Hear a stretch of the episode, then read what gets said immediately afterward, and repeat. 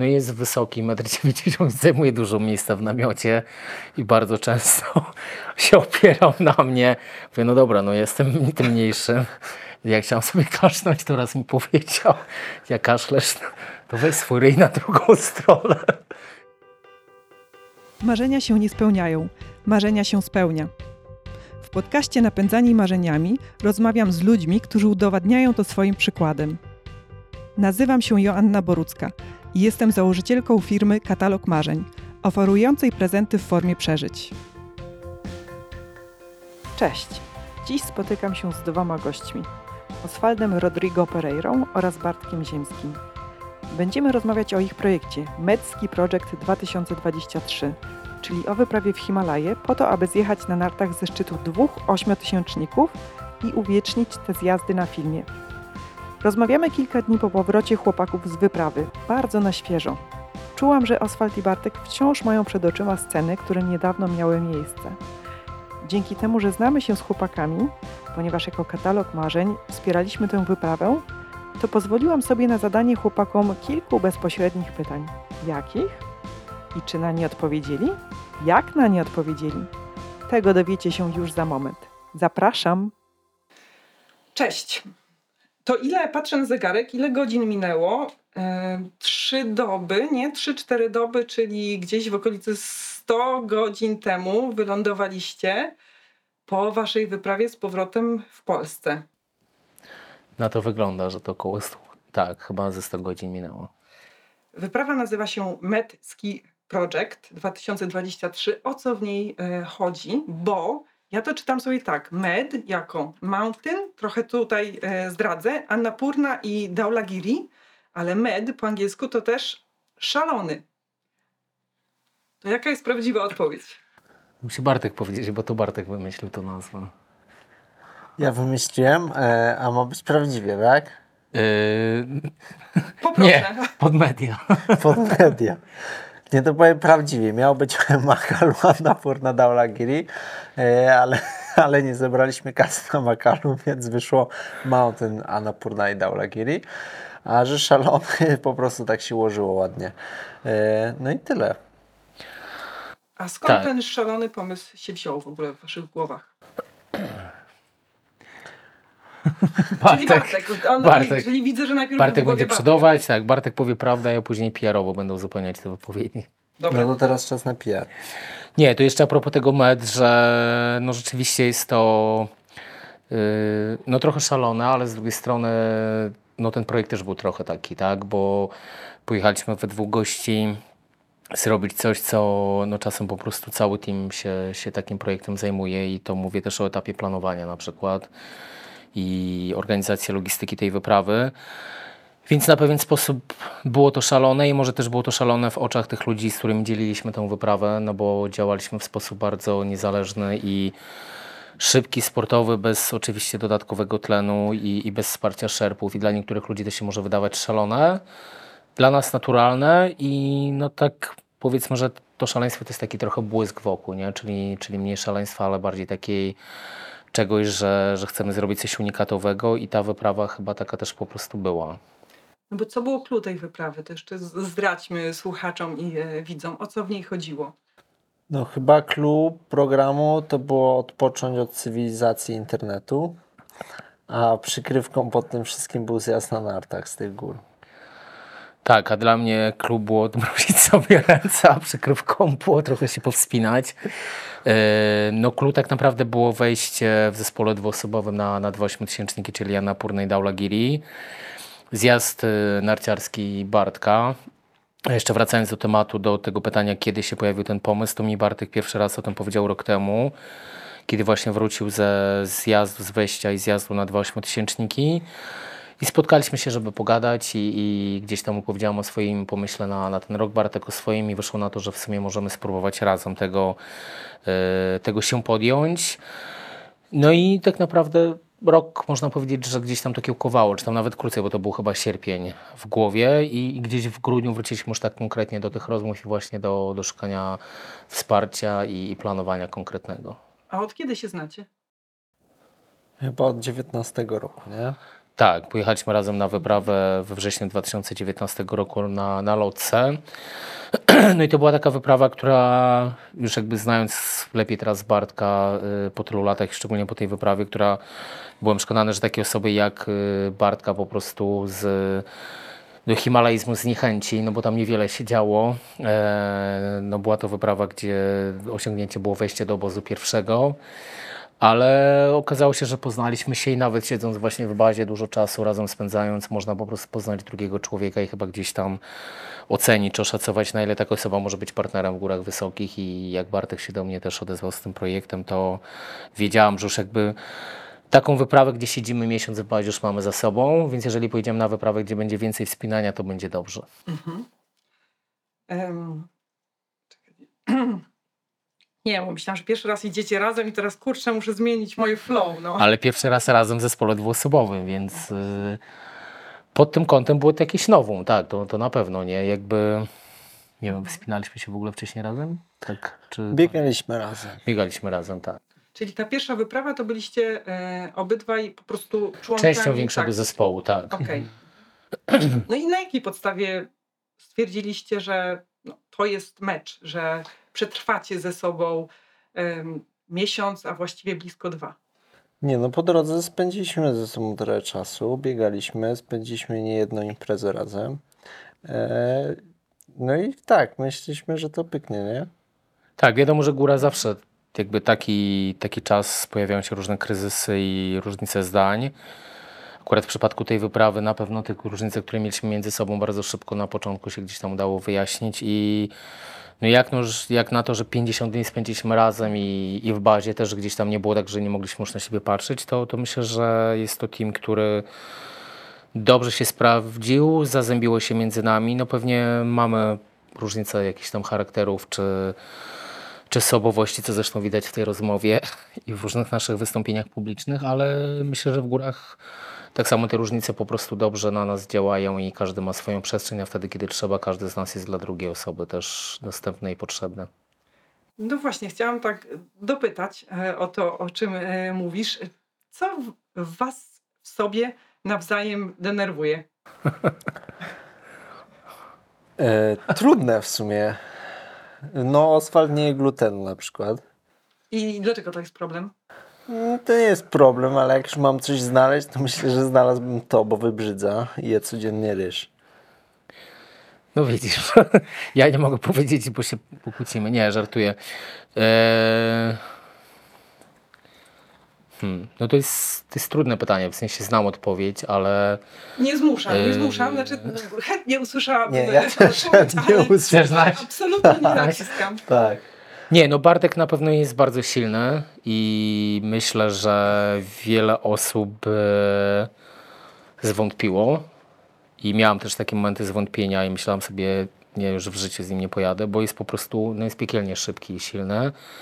Z drugiej strony wiedziałam, że ja naprawdę mocno trenowałem i jestem silny, więc wiedziałam, że dam radę, ale były momenty, że Pierwszy raz mi się zdarzyło, że w górach wysokich to nie jest tak, że ja na kogoś czekam i w ogóle sobie idę spacerkiem, a druga osoba gdzieś tam walczy o życie e, ze swoją kondycją, tylko raczej było tak, że Bartek szedł sobie na, na luzie większość czasu, a, a ja dawałam z siebie bardzo dużo, ale to ciężko powiedzieć, żeby to denerwowało. To było bardziej takie uczucie, że wiem, że bardzo mocno trenuję, a tu jest osoba, która jest jeszcze dużo silniejsza, nie? Czyli tak na ambicje ci Bartek wszedł. Tak. ym, I co jeszcze oprócz tego? No jest wysoki, 1,90 m, zajmuje dużo miejsca w namiocie i bardzo często się opierał na mnie. Mówię, no dobra, no jestem tym mniejszym. Jak chciałem sobie kaszlnąć, to raz mi powiedział, jak kaszlesz, to weź swój ryj na drugą stronę. E, I zostało to we mnie w pamięci na długie godziny, a później stwierdziłem, że w sumie racja, nie? Natomiast myślę, że to są wszystko takie oczywiście niuanse i się śmiejemy z tego. Natomiast te kluczowe rzeczy to, to myślę, że zawsze miałem takie poczucie, że y, jeżeli mi by się coś stało, czy, czy ja się gorzej czułem, to, to Bartek się troszczył, że w drugą stronę to tak samo działa. No właśnie, bo to jest to drugie pytanie. Co w sobie doceniacie? Co sprawia, że po tej wyprawie wciąż rozważacie, żeby kolejne wspólne projekty realizować. Nie, mega zagrało. Ja dla, na przeciwność powiem, że rzadko się zdarza, żebym tak mało musiał na kogoś czekać. Także, także zagrało to spoko. No i wziął na siebie ciężar mediów, który jest moją absolutną bolączką. Więc dlatego myślę, że to gra. No Ja mogę powiedzieć z drugiej strony, że to, co czasem mnie właśnie, nie wiem, denerwowało, czy powodowało, że czuję się jakoś tam słabszy i tak dalej, jest właśnie tym, co bardzo cenię, że po prostu jest ktoś, kto nie odpuszcza i e, nawet jak był atak szczytowy, to gdzieś tam jakiś wiatr hulał na zewnątrz i tak miałem takie poczucie, że nie, nie wiem, czy to jest dobra noc na, na wyjście.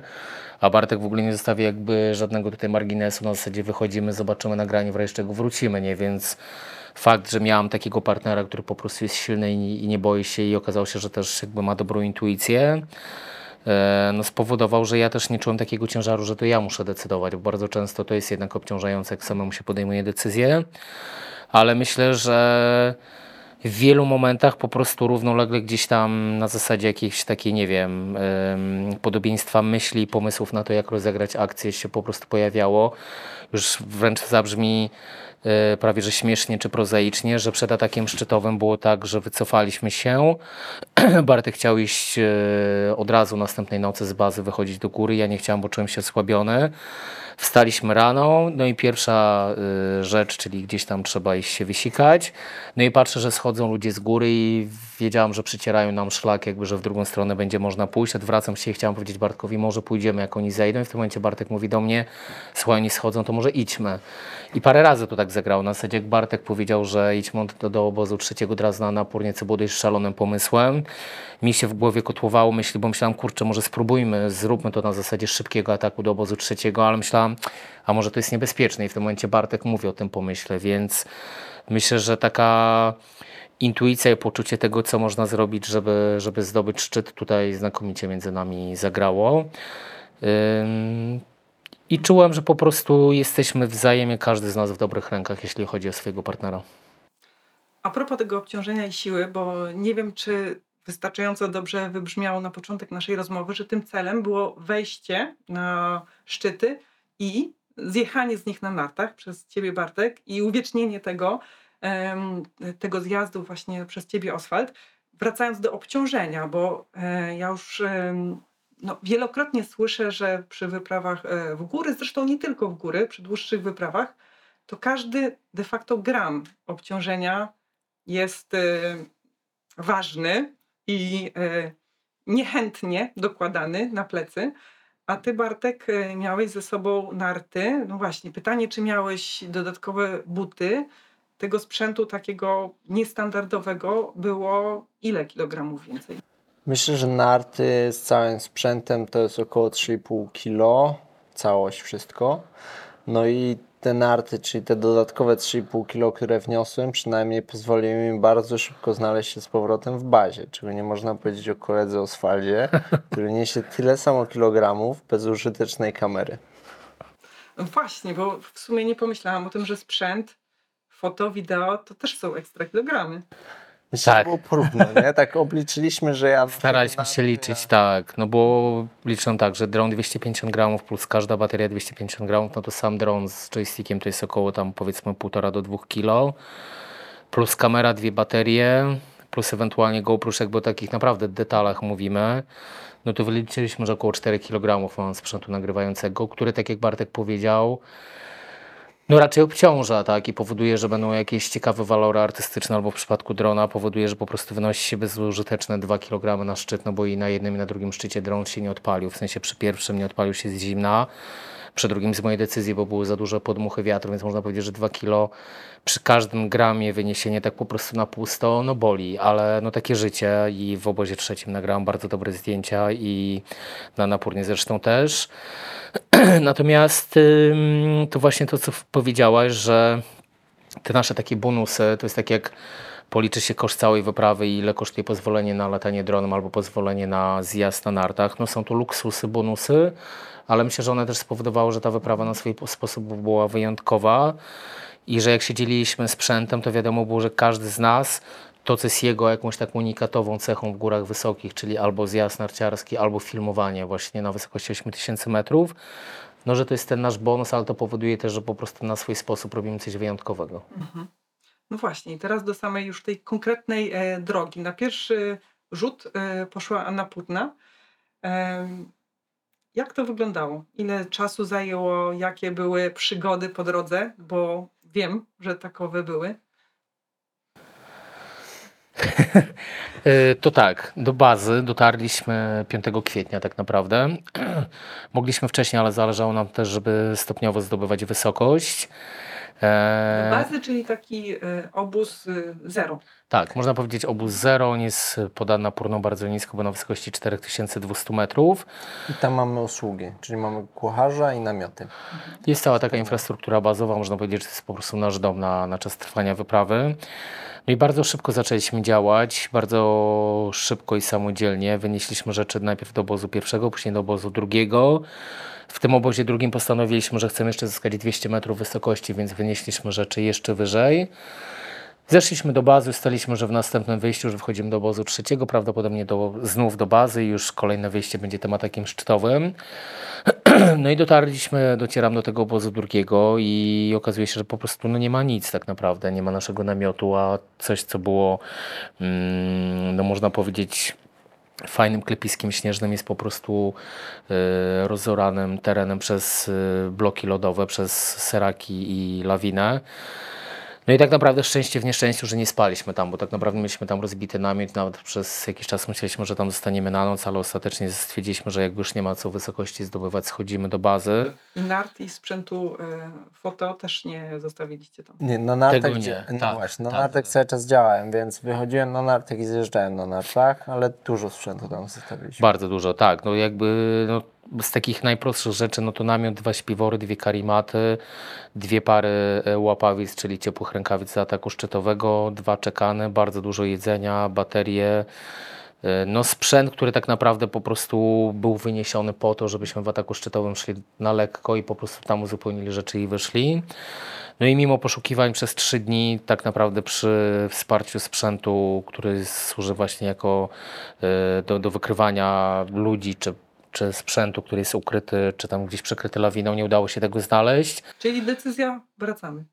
Decyzja, schodzimy do bazy i organizujemy się od zera, tak? Bo jakby po prostu traciliśmy też bardzo dużo energii, gdzieś tam emocjonalnie też mimo wszystko to na nas wpływało. No i to oznaczało, że za każdym razem jak wychodzimy, nie mamy tam nic u góry, więc musieliśmy pożyczać namiot albo u kogoś spać po prostu w śpiworze czy coś. Więc to było, było dla nas bardzo no, dołujące tak naprawdę, tak? No bo człowiek się szykuje, jedzie na taką wyprawę i nagle się okazuje, że wszystko wisi na włosku tak naprawdę z przyczyn jakby obiektywnych, z przyczyn tego, że 200 metrów wyżej się rozbiło namiot, a nie 200 metrów niżej. No ale postanowiliśmy, że musimy zejść do bazy, na chłodno po prostu przeanalizować sytuację, na co sobie możemy pozwolić, co jest potrzebne, a bez czego sobie poradzimy. Mm, No i tutaj po prostu wsparcie kilku osób, które po prostu pożyczyły nam jakiś sprzęt i, i też było trochę głupie dla nas, że tak chodzimy po namiotach i prosimy tutaj od kogoś parę rękawic, od kogoś parę rękawic, tutaj karimata, no bo byliśmy dobrze przygotowani do tej wyprawy, a nagle chodzimy tak jakbyśmy zapomnieli kluczowego sprzętu ze sobą. No ale udało się ten sprzęt pożyczyć i no i wtedy jakby wiedzieliśmy też, że po prostu jeżeli idziemy do góry, to tak mocno zmotywowani, że, że jeżeli będzie opcja na szczyt, to ten szczyt zdobędziemy i tak się też stało. Czyli szliście do góry z, z wysokości, z obozu którego? Z bazy wyszliśmy z 400 na 7000 około, tak? 6700 był, nie, nie, na 6300 najpierw, na noc do trójki i później następnego dnia wyszliśmy na 6700 i z 6700 zaatakowaliśmy już szczyt, tak, więc no dość duże przewyższenie, ale to praktycznie wszyscy tak wychodzili.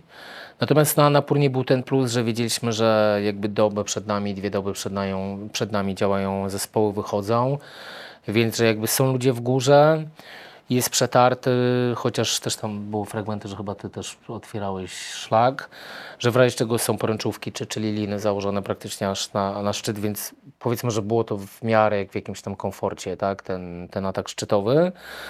No i wyszliśmy o godzinie 21, bo wszyscy nam mówili, że ten atak szczytowy może tam trwać kilkanaście godzin i byliśmy przed siódmą rano na szczycie, więc y, 10 godzin.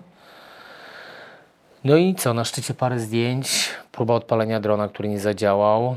No i Bartek rozpoczął swój zjazd. Czyli przypięcie nart też jest na szczycie. No, na górę idziesz z nartami Tak, na plecach. Mhm. I na samym szczycie zapinamy. No dobra, i schodzicie ile? Ja zjechałem e, do trójki, czyli do najwyższego obozu. Tak się umówiliśmy, że ja tam czekam na Asfalda, bo te powiedzmy najwyższe metry są najbardziej niebezpieczne, więc czekam aż on tam bezpiecznie zejdzie. No i potem już zjeżdżam do bazy. I ile czasu to zejście do trójki? Zjazd, Zjazd. myślę, że jest 20 minut, tak około. Czyli Coś 10 takiego. Tak. godzin do góry, 20 minut w dół. Ale też do góry szliśmy bardzo wolno, bo wyszliśmy za wcześnie. Znaczy szliście bardzo szybko, bo standardowo idzie się kilkanaście Tak. godzin, a wyszliście No, 10. Ale spowalnialiśmy na koniec po prostu. Tak. Spowalnialiśmy, bo było nam za zimno, bo czekaliśmy na wschód słońca jakby. No i teraz bym wyszedł dużo później, nie wiem, o drugiej w nocy nawet. Tak, bo tam po prostu na koniec y, no było bardzo zimno rzeczywiście i trochę, trochę dostaliśmy przez to w kość. Ja z kolei do trójki nie pamiętam ile mógł mi zająć, mogło mi zająć zejście, natomiast no było dość karkołomne, bo no to jest tak, że Bartek zaczyna zjeżdżać, mamy kontakt radiowy. No i tak naprawdę wy, wyprzedziliśmy wszystkich, którzy szli wtedy na szczyt, więc ja dopiero schodząc spotkałem ludzi, którzy jeszcze szli na szczyt, więc szedłem cały czas sam. I no powoli zaczął jakby docierać do mnie ból od mrożonych palców i świadomość, że nawet jak są jakieś tam operacje, że trzeba zjechać na linię, to po prostu nie jestem w stanie zaufać tym palcom i mimo bólu gdzieś tam muszę sobie z tym radzić. Mm, zależało mi też, żeby obniżyć jak najszybciej wysoko, żeby właśnie zacząć się nimi zajmować i żeby, żeby po prostu ten tlen jak najszybciej był w wyższej zawartości we wdychanym powietrzu. Natomiast byliśmy cały czas w kontakcie radiowym i, i gdzieś tam Bartek też y, pilnował mniej więcej pozycji, na jakiej jestem tak dalej. Dotarłem do trójki, no wtedy już był środek dnia słońce, więc bardzo ciepło i rozpoczęliśmy dalsze zejście. W sensie Bartek zjechał, a, a ja dalej schodziłem. A co to znaczy bardzo ciepło? Tam. Nie no, naprawdę ciepło, jakby ciężko jest mi ocenić jaka temperatura. Mówię o temperaturze odczuwalnej, tak? Czyli po prostu w słońcu. No ja na przykład po zejściu z Daulagiri miałem wrażenie, że dostanę udaru słonecznego, bo tak paliło słońce na trawersie i oczywiście dochodzi kwestia odwodnienia, no bo te, przez te tak naprawdę od tej północy, kiedy wy- wyszliśmy, przepraszam, od 21, kiedy wyszliśmy do ataku szczytowego do 22 następnego dnia, kiedy ja dotarłem do bazy, no to funkcjonowałem cały dzień praktycznie na litrze herbaty, tak, więc może jakieś tam jeszcze udało się ugotować jeden kubek jakiegoś picia czy izotonika, więc no jest to gigantyczny wysiłek, jakby te kalorie raczej się nie, nie uzupełnia się ich, bo to też chyba przez cały te 25 godzin zjadłem ze dwa żele i, i jeden, jednego batona, więc to zmęczenie się kumuluje też. A tam na górze i to jeszcze o takiej nocnych godzinach, to jaka jest temperatura? Zimno. Nie wiem, ale zimno. Ja myślę, że no przy ataku szczytowym musiało być, nie wiem, minus 30 stopni, odczuwalna pewnie minus 38, 39 przy wietrze, nie? Było, no, jest to zimno akceptowalne, ale jak dochodzi właśnie brak tlenu i, i po prostu zmęczenie, odwodnienie i głód, no to to zimno jest zupełnie inaczej po prostu odczuwalne też. Niby człowiek jest ciepło ubrany, no ale to jest właśnie kwestia, że się wystawia ręce na chwilę i tak naprawdę mija parę minut, człowiek jeszcze nie zrozumie tego, że praktycznie ma odmrożenia, tak? Więc jakby to jest takie zimno. Tak, tak tłumaczysz, że gdyby to nie, nie było wysoko i nie, e, nie e, bylibyście odwodnieni, zmęczeni, to te minus 30, minus 40 nie byłoby że tlen dla standardowego e, człowieka tutaj na nizinach w Warszawie minus 30, no to po prostu minuta na dwór i już z powrotem. Tak, tylko właśnie tutaj jest sucho też, Tak. więc to jest odczucie, odczucie jest nie takie zimne, ale tlen bardzo dużo zmienia. Czyli idąc z tlenem to nie jest tylko różnica, że łatwiej się idzie, ale też jest dużo cieplej. Tak zdecydowanie cieplej. Ja sobie wyob- Znaczy Ja ja, sobie nie, nie nie wyobrażam. Chciałam z sobie- tlenem, ale tak ludzie mówią. chciałam sobie, chciałam powiedzieć, że e, wyobrażam sobie, że, że po prostu było hiper zimno, ale ja sobie tego nie wyobrażam. A jeszcze jak pomyślę o Twoim Oswald zadaniu, czyli o tym, że Ty miałeś to wszystko uwiecznić, no do tego potrzebne są po prostu palce, e, bo trzeba operować e, tą kamerą. To jak Ty to robiłeś? No dość lekkomyślnie, no taka jest prawda, bo po prostu e, no trochę zlekceważyłem te warunki pogodowe. Wydawało mi się, że nie jest aż tak zimno. I to jest właśnie taka kwestia, że no po prostu człowiek gdzieś tam ogrzewa sobie, nie wiem, chucha w te ręce. Ale zdejmujesz Eee, rękawice tak. i masz gołe w ogóle dłonie? Tak, tak, tak zrobiłem e, na szczycie. E, Notabene zresztą zdjęcia ze szczytu, które zrobiłem Bartkowi, no to pierwsze pary jest w ogóle nieostrych i dopiero się zorientowałem w bazie, więc to tak naprawdę też pokazuje mniej więcej na jakim spowolnionym tempie działa umysł. Później było tak, że Bartek rozpoczął zjazd, nagrałem kilkunastosekundowe ujęcie, zatrzymał się chwilę niżej, odrobinę niżej. Wtedy próbowałem odpalić drona, no i nie udało się odpalić tego drona. No i tak naprawdę mówię, dobra, no to w takim razie jakby nie ma co tutaj szaleć, po prostu niech Bartek dalej zjeżdża, zrobiłem jeszcze, jeszcze jedno nagranie. I później jeszcze tak stałem pod tą granią szczytową, pomyślałem, że mam za mało ujęć, więc wrócę tam jeszcze dograć i na szczęście nie zrobiłem tego, bo myślę, że po prostu już mogłoby być o te parę minut za późno. Um, na Daulagiri Bartek mi pożyczył swoje takie rękawice, które są bardzo szczelnie jakby okrywają palce, ale też było parę takich momentów, gdzie coś tam nagrywałem i, i mimo wszystko je zdejmowałem. Nie wiem, czy jest jakieś po prostu zdrowe rozwiązanie i dobre na to. Jakby no też przez to jest to trochę no, wyjątkowa praca, tak? I tak jak powiedziałem, że Bartek y, jest wyjątkowy przez to, że bierze narty i na nich zjeżdża. Tu też nie ma wielu filmowców wysokogórskich i nie mówię, że e, chcę przez to, nie wiem, stracić palce czy je odmrozić jeszcze w przyszłości, ale wiem, że balansowanie na takiej krawędzi no, jest trochę częścią tego zawodu. jak na przykład filmowałem na K2 zimowym, to po prostu miałem w łapawicy, w rękawicy już przygotowane ogrzewacze chemiczne, no ale wtedy była temperatura minus 40 i wiedziałem, że po prostu naprawdę jest ekstremalnie zimno i to nawet w rękawicach było zimno, więc nie było wyjścia. A tutaj było tak, że pomyślałem, że nie jest aż tak zimno, że zaraz wyjdzie to słońce, będzie ok. No i zorientowałem się tak naprawdę dopiero już gdzieś tam w tej drodze zejściowej, że, że z tymi palcami nie jest za dobrze. I to nawet, ba, nawet Bartek się dowiedział dopiero przez radio. Mówię, słuchaj, no chyba mam domrożone palce i to tak poważnie, no bo z- zobaczyłem, że po prostu robią się szare czy tam niebieskie. Więc y, no i jakieś rozwiązanie na przyszłość, y, no na Daulagiri już miałem po prostu ogrzewacz chemiczny w ręku, czyli po prostu w sensie w rękawicy, więc jak zakładałem rękawicę, to od razu było ogrzewana po prostu ta ręka. No właśnie, do Daulagiri, bo plan był taki, żeby dosyć szybko e, przemieścić się spod e, Annapurny do Daulagiri, do Daulagiri a mm, blisko miesiąc e, dzielił, e, blisko miesiąc dzielił dzień zdobycia Annapurny i Daulagiri. Czego to wynikało? No Miało być szybko, co prawda. Myśleliśmy, że jakieś 3-4 dni.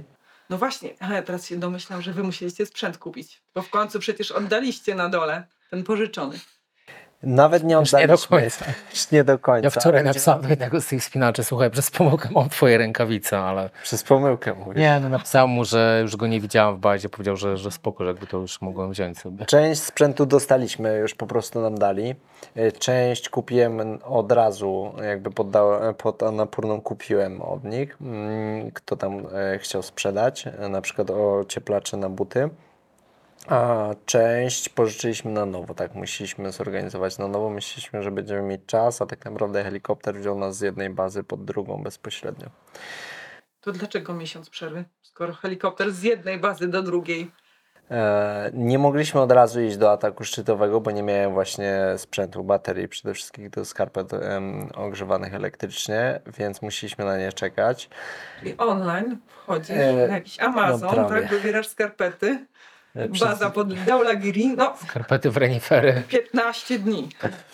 Tak, no przez InReacha się em, komunikowaliśmy z innymi wspinaczami, żeby nam to zorganizowali i dopiero jak doszli, e, dotarli do bazy, to mogliśmy ruszyć, a w międzyczasie były olbrzymie opady śniegu i tak naprawdę to po prostu odśnieżaliśmy w tej bazie, nie? Tak, to można powiedzieć, że no Daulagiri jest bardzo specyficzną i z opowieści ludzi, którzy już byli wcześniej na wyprawach tam i którzy dzielili z nami bazę, to jest to góra, która po prostu, aż mam teraz ciarkę, jak sobie przypominam niektóre historie, że potrafi bardzo pogodowo zaskoczyć i tak na zasadzie śmiertelnie ludzi, bo e, w zeszłym roku na przykład na trekkingu po prostu była ewakuacja bazy praktycznie z dnia na dzień. Część ludzi poleciała śmigłowcem, część poszła w trekking. Czyli bazy, A, bazy, bazy właśnie- tak, tak. I nawet ba w bazie z kuchni wychodzili po, po drabinie z namiotu, bo spadły dwa metry śniegu. A na przykład grupa w trekkingu, która poszła, to ileś tam, nie pamiętam ile, kilka czy kilkanaście mułów zmarło w ogóle na przełęczy i tak samo y, ludzie, którzy szli w trekkingu, tragarze i te ciała są tam do dziś, więc jak po prostu nam opowiadali te historie w bazie, to patrzyliśmy na siebie, jakbyśmy w ogóle trafili do jakiegoś siedliska, jakiegoś horroru, gdzie zaraz coś po prostu spadnie śnieg, zostaniemy tam zablokowani. I ludzie, którzy w zeszłym roku się nie ewakuowali na czas, dwa tygodnie byli uziemieni w bazie, gdzie w ogóle nie mogli z niej wyjść praktycznie. I tak samo było w obozie trzecim, że osoby dotarły i stał komunikat, że natychmiast się ewakuujcie, bo w przeciągu 24 godzin będzie tutaj apokalipsa i tak się stało. I jak my w tym roku dotarliśmy do obozu trzeciego, to po prostu były no, szkielety namiotów, tylko praktycznie wszystko połamane i pozabierane przez wiatr. Więc my tacy wesolutcy z tego helipadu, gdzie myśleliśmy, że jedziemy sobie do miejscowości, w której odpoczniemy w krótkich spodenkach i krótkich butach, nagle lądujemy w tej bazie. I po pierwsze jest brzydko, paskudnie, słaba widoczność. Są dwie osoby w namiocie, które sobie ćwiczą jogę. My tak, ej, jakby myśleliśmy, że to jakaś robota będzie, a nie na zasadzie, że ktoś sobie tutaj na jogę przyjechał. No ale zaczęły się dni jakieś pierwsze pogody. Wyszliśmy najpierw do obozu pierwszego. Bartek zjechał, ja zszedłem, później do obozu drugiego wynieśliśmy i w ekspresowym tempie też powrót do bazy. Mówimy, dobra, to jest teraz czas na atak szczytowy. No i miało być trzy dni śniegu, okazało się, że tych dni śniegu jest równo 8. I dwa dni pierwsze po opadzie śniegu praktycznie nie można było wchodzić do góry przez zagrożenie lawinowe. Więc tak naprawdę 10 dni absolutnie takiej przerwy że nie wiedzieliśmy nawet, czy mamy e, jeszcze w ogóle klimatyzację, jak, jak będzie wyżej, co z naszymi namiotami. Okazało się, że w obozie drugim tak naprawdę nasz namiot jako jedyny przetrwał, ale to było na takiej zasadzie, że Bartek, który nie jest najniższy na świecie, musiał tak naprawdę na wysokość swojego ciała wykopać jamę, żeby się dostać do dachu naszego namiotu, a później jeszcze trzeba było wykopać jakby cały namiot. I to była jakaś noc, która w ogóle była jakimś koszmarem dla nas, bo ten namiot jak wykopaliśmy, okazało się, że jest, jak Bartek wykopał, że jest uszkodzony maszt. Ale on, on stał w sensie. Był przekrzywiony. środku. Przekrzywione. Tak. jakby. Mhm, tak. Więc y, jeden maszt był uszkodzony. Na szczęście spodziewając się, że może być taka sytuacja, wzięliśmy backupowo y, no, drugi bardzo lekki namiot. Więc jak już zamieć śnieżna zrobiła się tak, byliśmy jedynymi osobami w tym momencie w obozie drugim. Jak zamieć stała się nie do zniesienia i to było tak, że ja w jamie obok po prostu gdzieś tam chowając swoje ręce, z których zaczęła skóra w ogóle schodzić, gotuję herbatę Donal- Donaldżenę do, do pojemnika plastikowego, żeby ogrzać ręce żeby też Bartkowi coś dać. I w tej zamieci po prostu już nie martwiąc się w ogóle żadne zdjęcia ani nic, tylko o to, żeby przeżyć. Rozbijamy backupowy namiot, ładujemy się do niego i po prostu leżymy 15-20 minut i namiot jest 50 cm zasypany. Strzepujemy to i po chwili próbujemy się zdrzemnąć, patrzymy namiot prawie cały zasypany.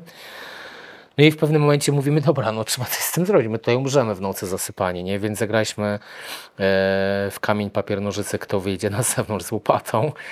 Ja przegrałem i mówię, dobra, założę buty na zewnątrz, w tym momencie odpinam połę namiotu i po prostu gigantyczna ilość śniegu wpadła do tego namiotu, tak naprawdę mocząc tam wszystko, wszystko mieliśmy w tym śniegu i no po prostu siedzimy i nie wiem co zrobić, jakby no nie ma dobrego rozwiązania, wszystko przemoczone.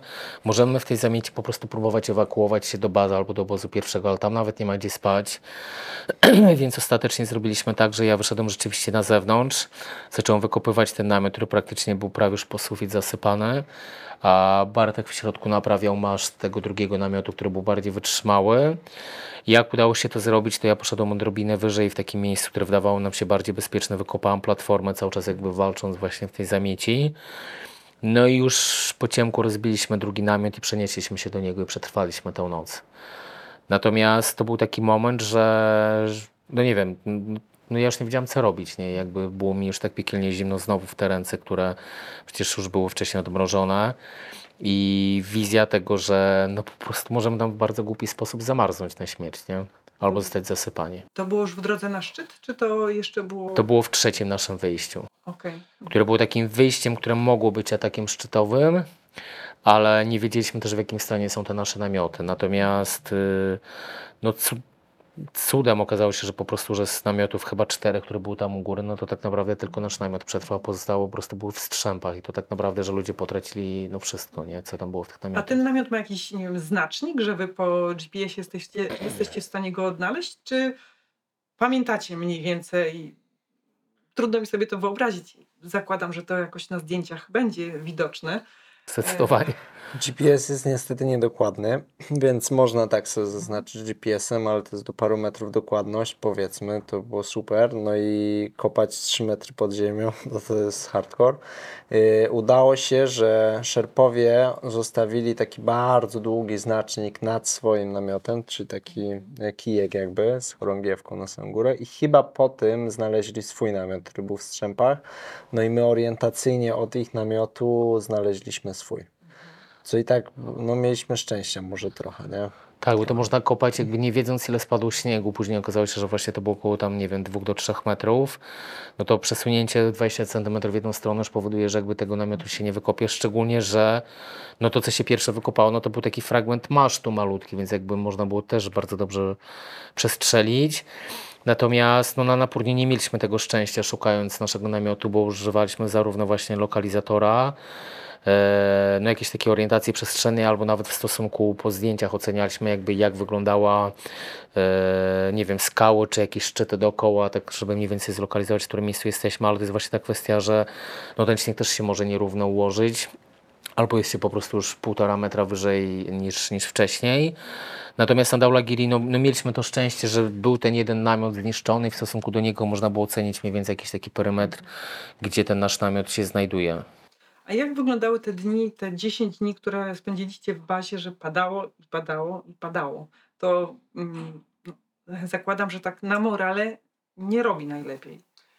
Ja myślę, że tak życiowo dobrze robi, bo ostatnie takie dni to chyba w przedszkolu miałem, gdzie się wstaje, no i dzień jest przed nami, nie wiadomo co się wydarzy, nie ma żadnych problemów. Oprócz jedzenia, które jest pewnikiem. Tak, jedzenie jest pewnikiem, trzeba wstać i wieczorem pogratulować sobie, że przeżyło się kolejny dzień. Czyli Tak. jednak, czyli jednak e, robi dobrze. Długoterminowo na pewno. Takie coś jest potrzebne. Bartek tak teraz mówi, ale Nie no, krótkoterminowo jest Tak. inaczej, no że... Ale atmosfera była okej. Tak, y, no mieliśmy niestety takiego, takiego pecha, że na napór nie wzięliśmy sobie nasze czytniki książek do ataku szczytowego, żeby ten dzień, kiedy spędza się parę godzin w słońcu i nie można zasnąć i czeka się na atak szczytowy, żeby jakoś zabić czas, chcieliśmy poczytać. No i jak ja sięgnąłem właśnie po swojego buka, okazało się, że różnice temperatur spowodowały, że raczej nie poczytam sobie już z niego. Bartek wtedy mówi, no ja na szczęście mam case na swoim e-booku, na swoim Kindlu, po czym sięgnął, okazało się, że stało się to samo z jego e, Nie chciałem, Kindle, tylko chciałem pokazać osobie. że ma fajniejsze rozwiązanie. W momencie, kiedy go włączyłem, to się rozlał ekran. Tak, także nie mieliśmy książek, yy, znaczy mieliśmy dwie książki, ale nie te, które chcieliśmy akurat czytać, więc bardzo żeśmy sobie tak oszczędnie dozowali każdą stronę i literkę tych książek. Czyli mieliście takie fizyczne, papierowe książki? Bartek miał dwie, Ja tak. miałem dwie. Biorę Ja do tak. A jakie? Jedną miałem uh, Staying Alive in an Avalanche Terrain, super książka o lawinach, a druga książka była o ADHD. No proszę. Także ja miałem na wyprawę ściągnięto dużo książek o stoicyzmie i o introwertykach, a skończyłem czytając książkę ADHD. Także była to trochę Ale ironia piękna. losu. No na pewno to Właśnie, się łączy. poradzić sobie tak. Trzeba znać Trzeba się przeciwnika. nauczyć stoicyzmu. Tak, na pewno. E, ale przypomniałem sobie też, że kiedyś mi brat wysłał jakieś dwie książki, które e, miałam ściągnięte właśnie na e-booka, że mam je też na dysku twardym, więc przerzuciłem je na laptopa i z laptopa na telefon i po prostu na telefonie sobie czytałem. Jedna z książek jest o filmowaniu, a druga o mowie ciała. Także sama nauka z, z tej wyprawy. E, ale graliśmy też w karty.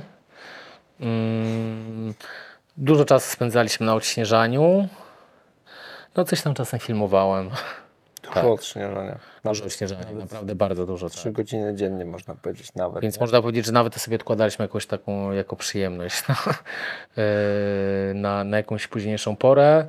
Po obiedzie zazwyczaj była jakaś drzemka o 16 i mieliśmy zawsze porcję popcornu, którą kucharze nam przygotowali, więc o 16 wszyscy byli znudzeni tym popcornem, ale ja i Bartek jako głodomoro każ, każdego dnia równo o 16 już czekaliśmy na nasz popcorn. No i nadszedł ten dzień, że powiedzieli, powiedzieliście sobie, że można wychodzić. Tak, to też nie było do końca oczywiste, bo tak jak właśnie wspomniałem, y, to, że wychodzimy, y, wpadliśmy na to podczas wspólnego sikania, każdy od siebie niezależnie, a tak na poważnie to po tym jak wyszliśmy i, właśnie była ta akcja z tym namiotem i tym nocnym koszmarem, wycofaliśmy się i Bartek chciał tak naprawdę już następnego dnia wychodzić o czwartej rano. Ja czułem się wyczerpany. Było to dość duże obciążenie, bo ja też się bałem, że może być tak, że przez to, że jestem wyczerpany, odmrożony, to możemy stracić yy, okno pogodowe. No i pewnikiem było to, że prognozy się tam nie sprawdzają, jakby absolutnie się nie sprawdzały, niezależnie od tego, ile tam osób było, kilkanaście, nie wiem, ktoś z Tajwanu miał rządowe prognozy i tak dalej, to te prognozy po prostu, no nie było opcji, żeby się sprawdziły, ale wiedzieliśmy, że po pierwsze, po opadzie śniegu 5 maja będzie, y, będzie pełnia księżyca i że zmienia się wtedy pogoda. Wiedzieliśmy, że w tych okolicach w bazie wyląduje y, spinaczka himalajska z Norwegii, która w międzyczasie zorganizowała właśnie te baterie do, do skarpet Bartka, więc że będziemy mieć to wsparcie. I wiedzieliśmy, że no w końcu będzie można ruszyć do góry, bo rzeczywiście jakkolwiek by się nie śmiać, to ja uważam, że działa bardzo jakoś tak demobilizująco przebywanie zbyt długie w bazie. Abstrahując od tego, że nie wiem, no zaczęliśmy mieć problemy z kolanami, bo po prostu codziennie parę razy się gdzieś tam człowiek skla do namiotu, nie rusza się, dużo siedzi i tak dalej, więc jakby no odzywają się takie rzeczy, o których człowiek by wcześniej nie pomyślał. Natomiast y, no znów jakby przeskakując w chronologii, po tej nocy w namiocie schodzimy. No i okazało się, że napadało bardzo dużo śniegu, ale że schodzi ekipa Carlosa Sori z Hiszpanii i dzięki temu będziemy mieć odrobinę przetarty szlak do obozu pierwszego, że 12 maja ma być wspaniałe okno pogodowe, więc w nocy z 12 na 13 możemy próbować ataku szczytowego. Wyszliśmy 11 do obozu drugiego, budzimy się 12 w obozie drugim i jest wiatr i śnieg i nie ma opcji na wyjście. I znowu było takie na zasadzie, ile razy ta góra i prognozy pogody tutaj zakpią z nas. Więc 12 wyszliśmy tylko odrobinę do góry. 13 poszliśmy do obozu trzeciego. Wiedzieliśmy, że nie ma nikogo oprócz nas tak wysoko i że, że warto próbować po prostu, tak? I no trochę to było takim zagraniem w bank. Oczywiście w razie czego wiedzieliśmy, że możemy się wycofać do bazy i próbować drugi raz. Ale też no, kurczyły się powoli nasze zapasy żywności i, i gdzieś tam pewnie, nie wiem, zdrowia i cierpliwości, no ale okazało się, że szczęście nam sprzyjało i, i tego 13 w nocy wyszliśmy i 14 rano byliśmy na szczycie. Ile godzin? Do góry? Y, Z obozu trzeciego na szczyt 7 Siedem i godzin. pół. 7,5 tak. A ile zjazd? Do trójki znowu jakieś pół godziny, nie. Te warunki były trudne, no z pół godziny. Myślę, że pół godziny, a moje zejście chyba 4 godziny, coś koło tego. Gratuluję sukcesu, e, Bartek, bo to, e, jak rozumiem, pierwszy zjazd. y, mm, Wy go jakoś tak fajnie nazwaliście. Pierwszy zjazd, y, no, bez Pełny prze- zjazd, pełny pełny, zjazd bez przerwy, bez odpięcia e, nart. Z odpięciem w trójce czekając na Oswalda, ale pełny zjazd. A propos filmu właśnie, rozumiem, że z całej tej wyprawy powstanie film, dokument, tak? Tak.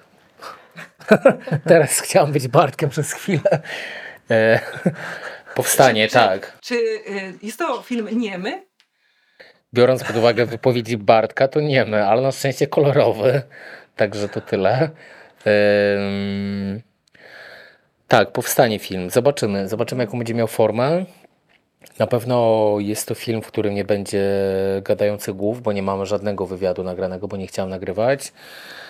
Będę chciał, żeby to był film, który no, pokaże po prostu nas, że możemy nawzajem na sobie polegać, że, że w niektórych momentach jest wesoło, że w niektórych momentach jest przerażająco i że jesteśmy we wspaniałej scenerii, gdzie są wspaniałe ujęcia z drona i Bartek idący sobie powoli pod górę z nartami albo zjeżdżający na nich, ale że są sytuacje, gdzie jesteśmy po prostu zamknięci w namiocie i mamy nie wiem czy przerażenie, ale może już odrobinę szaleństwa w oczach, bo zaczyna być niebezpiecznie. Ale są dialogi, tak? Jest trochę, da się poczuć Są dialogi, e, tak. emocje, które tam, których doświadczyliście. Tak, tu już...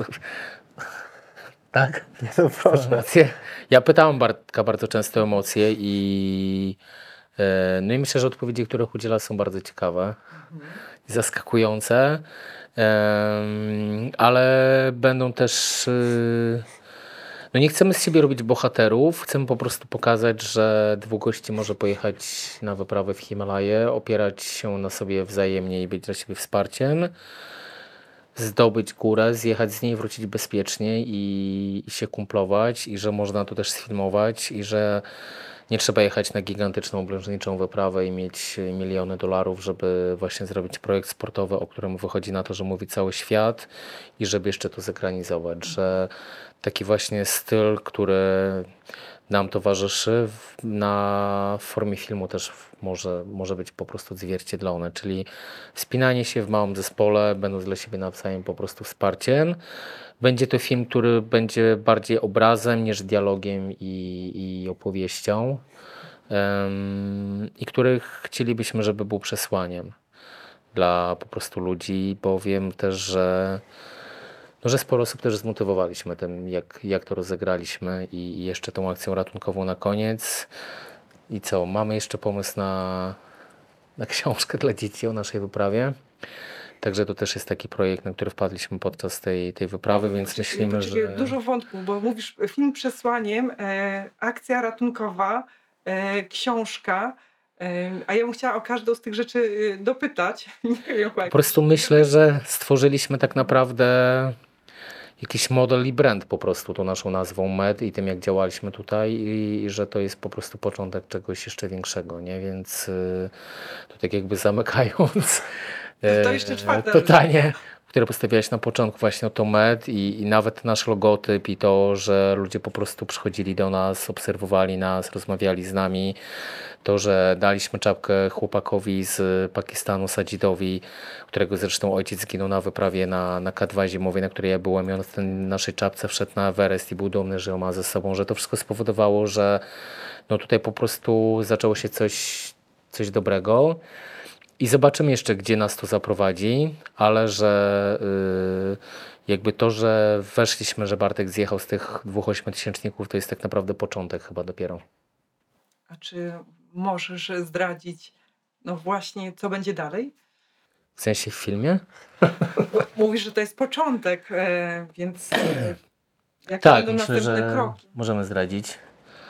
Znaczy, nie wiem, czy to będzie następny krok. Na pewno najważniejszym dużym krokiem w przyszłym roku będzie yy, wyprawa. Chcemy pojechać na Kanchenjungę, żeby Bartek zjechał z ostatniego ośmiotysięcznika, który nie ma zjazdu narciarskiego. I tak. I no jest to masywna góra, potężna.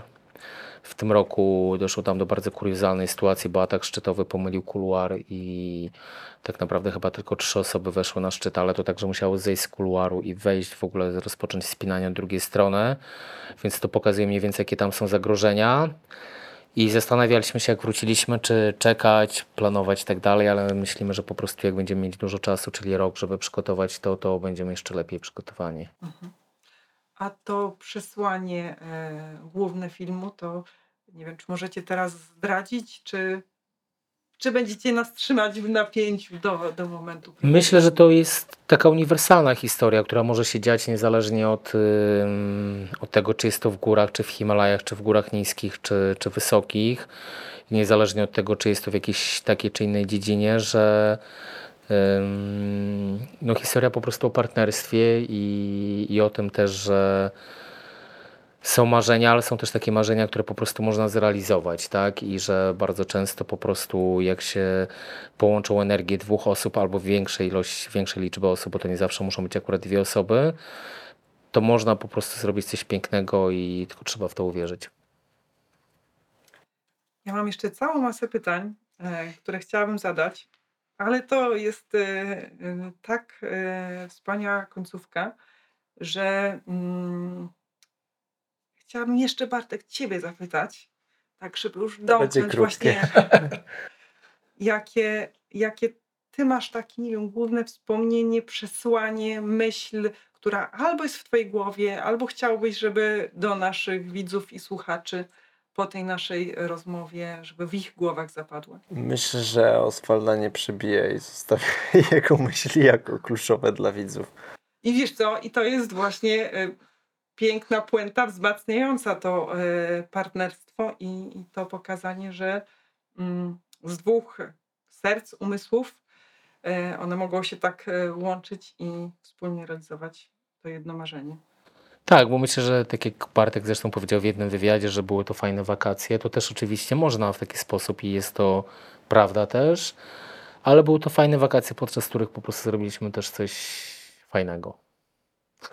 fajne wakacje, zrobiliśmy coś fajnego, polonista, em, że no te marzenia, wakacje tak naprawdę to przecież można połączyć i to, co ja słyszę przez ostatnie kilkadziesiąt godzin, powiedzmy, że to jest te 100 godzin, od kiedy wylądowaliśmy, parę osób, które mnie zna od wielu lat, że po prostu jestem dla nich przykładem też osoby, która w pewnym momencie życia po prostu postawiła na siebie albo na coś, co, co można zrealizować i, i że po prostu czasem można zaryzykować i coś takiego zrobić. I tak jak usiedliśmy w sierpniu zeszłego roku i Bartek opowiedział mi o tym pomyśle, to przecież to mógł być też gdzieś tam szalony pomysł i myślę, że jak do Was przyszliśmy też o tym opowiedzieć, to też mogło być tak na zasadzie, co to za dwa wariaty tutaj przyszły i, i o czym oni opowiadają, a siedzimy tutaj parę miesięcy później i, i możemy wspominać y, dobrą wyprawę i dobrą przygodę. Ja myślę, że jesteście pięknym przykładem ludzi napędzanych marzeniami, e, którzy mają wielkie, piękne marzenia, odważnie je realizujecie i swoim przykładem inspirujecie innych. I za to Wam e, ogromnie dziękuję. Kibicuję e, dalszym działaniom i, i temu, żeby ta inspiracja szła jak najszerzej. My też bardzo dziękujemy za zaufanie, chociaż to zawsze oczywiście zabrzmi jak jakiś taki bon mot, ale też za to, że nie mieliśmy poczucia tylko, że jesteście sponsorem czy partnerem, tylko że po prostu nam kibicujecie, chcecie wszystkiego dla nas, to co najlepsze i że niezależnie od tego, czy wrócimy z sukcesem, czy nie, to że się o nas martwicie i kibicujecie. Tak właśnie było, tak jest i tak będzie. Dzięki. E, Dziękujemy. Dzięki Wam wszystkim i do zobaczenia. Do zobaczenia. Dziękujemy, do zobaczenia. Rozmowy z moimi gośćmi są dla mnie formą podróży i poznawania świata. Przenoszą mnie w różne, czasem bardzo odległe miejsca, tak jak było w tym przypadku. Bardzo to lubię. A jeszcze bardziej lubię to uczucie, kiedy mam wrażenie, że goście wpuszczają mnie do swojego świata. Opowiadają nie tylko o tym, co zobaczyli i czego doświadczyli, ale także o tym, jak to na nich wpłynęło. Oswald, Bartek, dzięki za to, że wpuściliście mnie do swojego świata. A Was wszystkich zapraszam już niedługo na kolejną rozmowę.